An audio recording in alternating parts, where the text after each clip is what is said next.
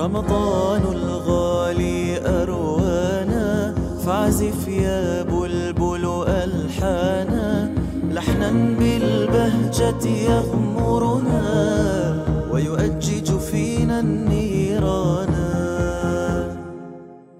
السلام عليكم ورحمة الله وبركاته. بارك الله فيكم وجزاكم عنا كل خير.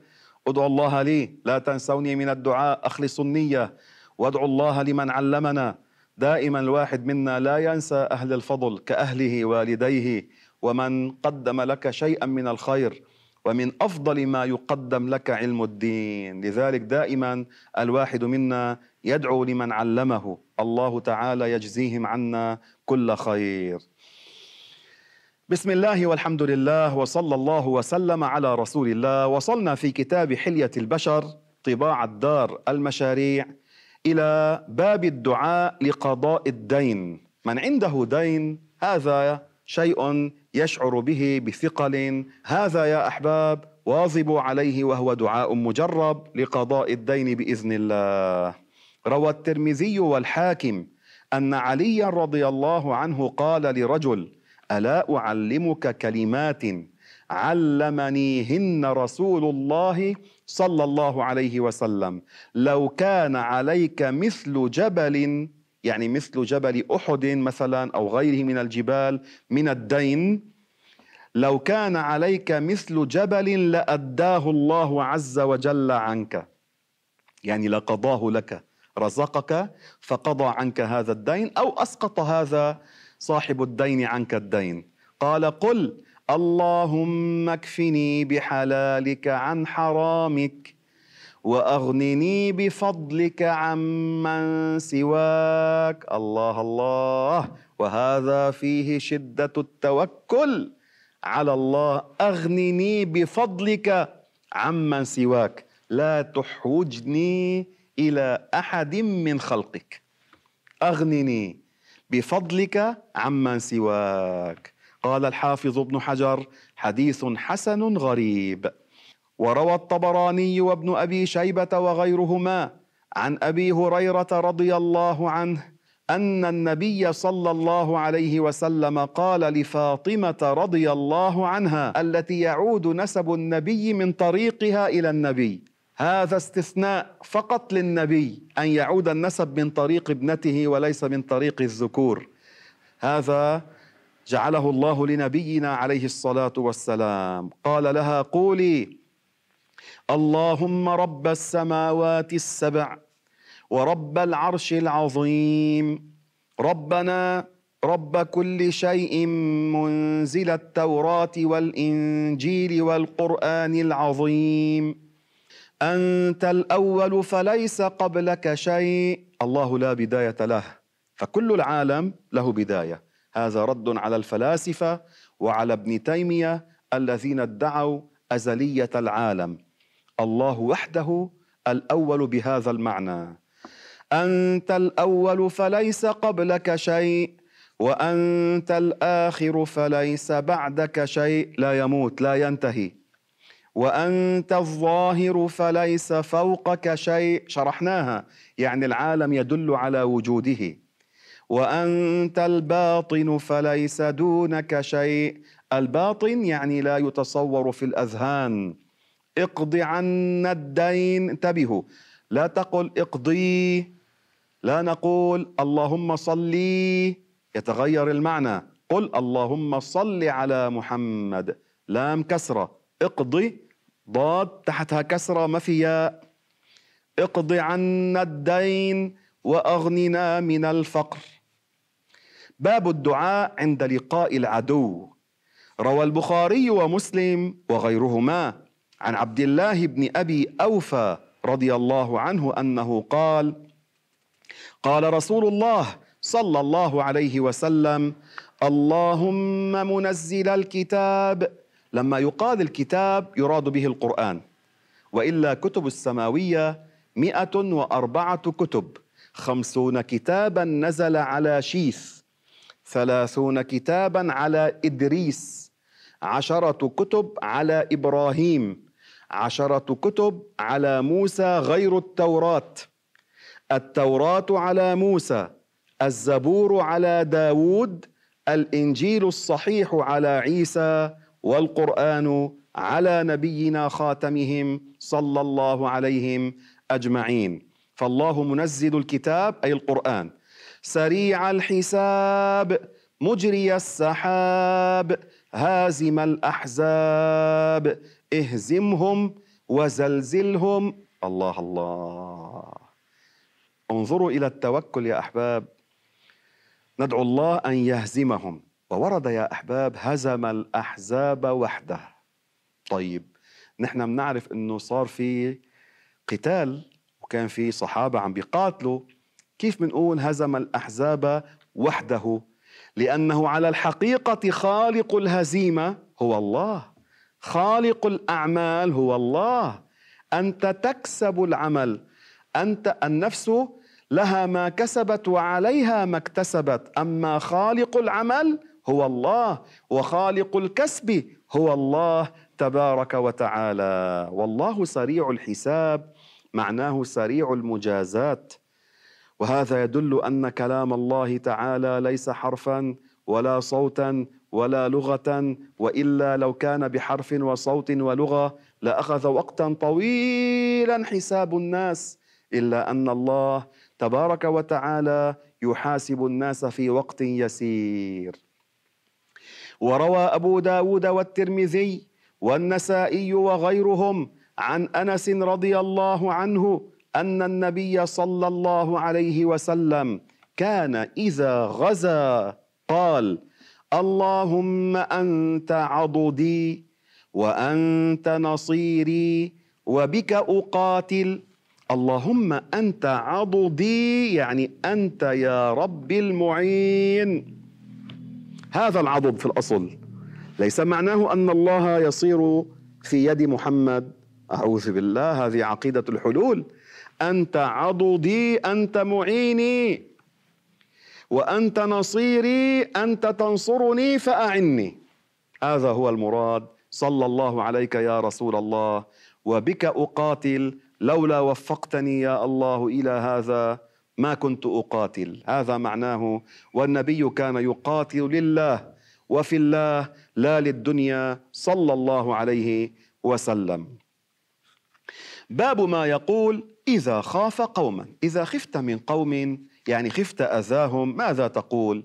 روى أبو داود وابن حبان والحاكم والبيهقي وغيرهم عن عبد الله أن النبي صلى الله عليه وسلم كان إذا خاف قوما كما ذكرت لكم الخوف الطبيعي ليس الخوف الجبن.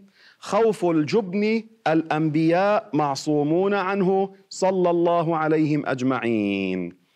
فروى أبو داود وابن حبان والحاكم والبيهقي وغيرهم عن عبد الله أن النبي عليه الصلاة والسلام كان إذا خاف قوما قال اللهم إنا نجعلك في نحورهم ونعوذ بك من شرورهم. النحر هذا موضع القلادة.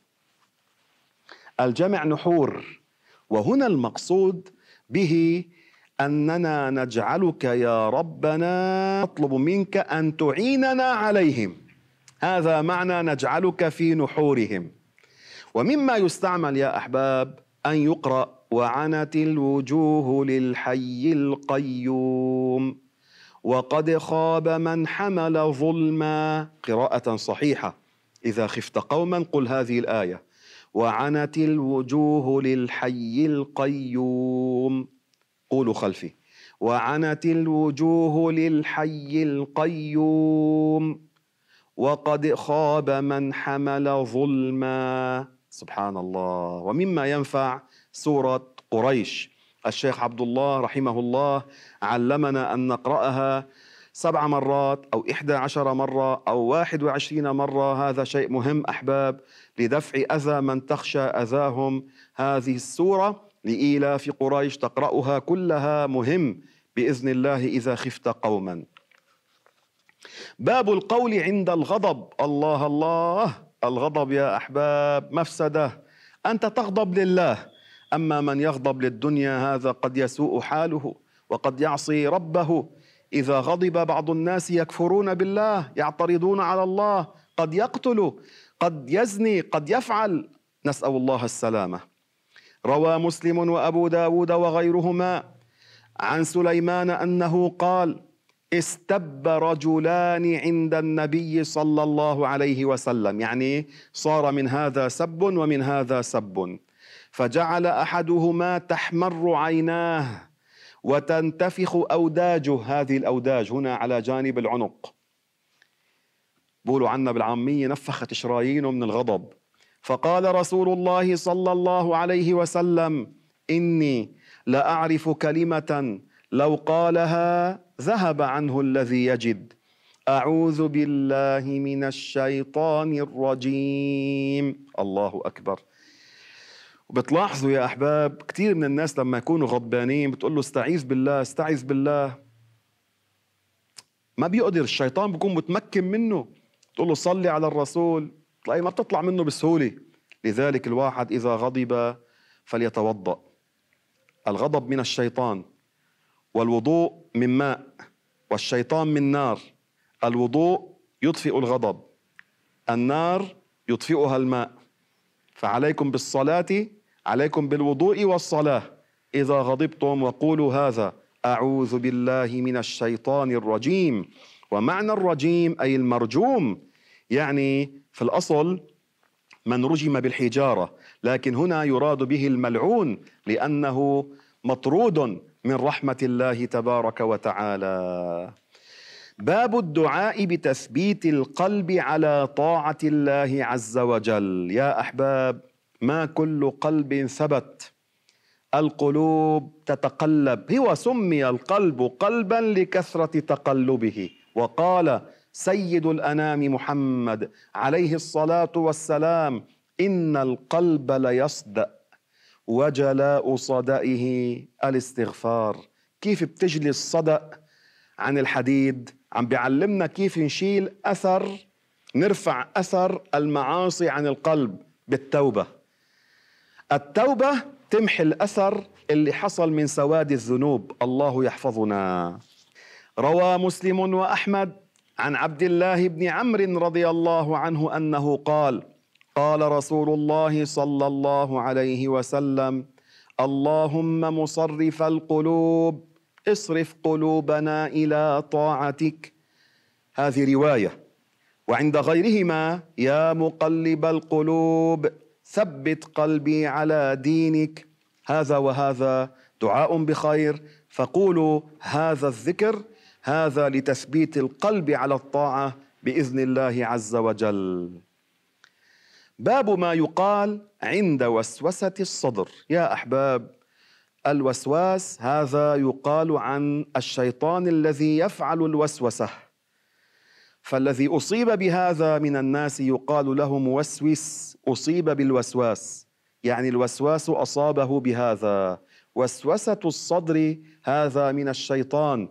قال تعالى وإما ينزغنك من الشيطان نزغ فاستعذ بالله إنه هو السميع العليم. بالنسبة للبشر غير الأنبياء يدخل الشيطان خرطومه كما جاء في الأثر ويلقي في قلبك أشياء. أنت طالما هو خاطر لا تبالي ولا تقبله ولا يضرك. ولو بقي الخاطر ألف سنة. وأنت تكره هذا الخاطر الشيطاني لا يضرك عند الله. لكن استعذ بالله واشغل نفسك بشيء آخر. قال شيخنا رحمه الله اله عنه بغيره. اشغال حالك بشيء تاني. اقرأ قرآن روح اعمل رياضة امشي اذكر الله قل الحوقله الاستغفار. هيك بتشغل حالك عن هذا الوسواس. أما الأنبياء لا يستطيع الشيطان أن يدخل إلى أبدانهم ولا أن يدخل خرطومه إلى بدن نبي. إنما قد يوسوس لنبي نعم لكن الأنبياء لا يقعون لا في الكفر ولا في الكبيره ولا في الصغائر التي فيها خسه ودناءة. كما جاء في القرآن عن آدم وحواء فوسوس لهما الشيطان. وسوس لهما. لكن يا أحباب هذا من غير دخول في جسد آدم صلى الله عليه وسلم. روى البخاري ومسلم وغيرهما. عن أبي هريرة رضي الله عنه أنه قال قال رسول الله صلى الله عليه وسلم يأتي العبد الشيطان. يعني الشيطان بيجي عند الإنسان. فيقول من خلق كذا وكذا انتبهوا بيسألوا سؤال كفري. فيقول من خلق كذا وكذا حتى يعني بيوصل معه حتى يقول له من خلق ربك عز وجل الله الخالق وليس مخلوقا. هذا الجواب فورا ولكن النبي عم بيعلمنا كيف نطرد الشيطان. فإذا بلغ ذلك يعني الواحد إذا وصل لها الحالة فليستعذ بالله عز وجل. يعني يقول أعوذ بالله من الشيطان الرجيم. ثم قال ولينتهي الله أكبر. يعني لا تنشغل بهذا الخاطر لا تسترسل مع هذا الخاطر. يا أحباب قال الشيخ عبد الله رحمه الله باب حكم من يقول من قال من فعل من اعتقد هذا كالبحر الذي لا شاطئ له. يعني اللي بيتبعه يهلك إلا من رحم الله. فانشغل عن هذا بغيره. وروى مسلم وأبو داود وغيرهما عن أبي هريرة أيضا أنه قال قال رسول الله صلى الله عليه وسلم لا يزال الناس يتساءلون حتى يقولوا هذا الله عز وجل خلق الخلق فمن خلق الله تعالى؟ وهذا السؤال كفري. انتبهوا هذا من الشيطان.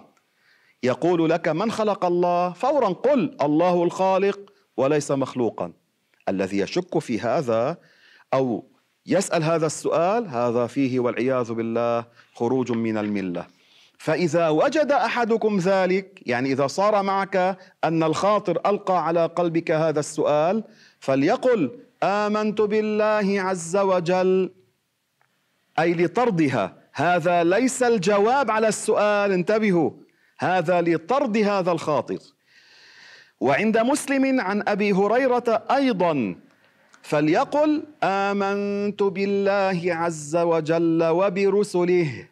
فاذا هناك روايات عن النبي صلى الله عليه وسلم لطرد الوسواس. باب ما يقول عند رؤية المبتلى. إذا رأيت إنسانا ابتلاه الله تبارك وتعالى علمنا الرسول كيف نتعامل مع هذا المبتلى من غير أن نكسر قلبه ونؤذيه؟ وماذا أتصرف؟ روى الطبراني عن عمر رضي الله عنه أنه قال قال رسول الله صلى الله عليه وسلم من رأى مبتلى فقال الحمد لله الذي عافاني مما ابتلى هذا به وفضلني عليه وعلى كثير ممن خلق تفضيلا. فضلني عليه ليس بالدرجات فضلني عليه أي لم يبتليني بما ابتلاه به. ولكن الفضل عند الله بالتقوى. قال الرسول عليه الصلاة والسلام الذي يقول هذا عند رؤية المبتلى عافاه الله عز وجل من ذلك البلاء كائنا ما كان فعندما ترون مبتلى قولوا هذه الكلمات الحمد لله الذي عافاني مما ابتلى هذا به وفضلني عليه وعلى كثير ممن خلق تفضيلا. الله تعالى يعافينا بجاه النبي صلى الله عليه وسلم ويوفقنا لما يحب ويرضى. والسلام عليكم ورحمة الله وبركاته.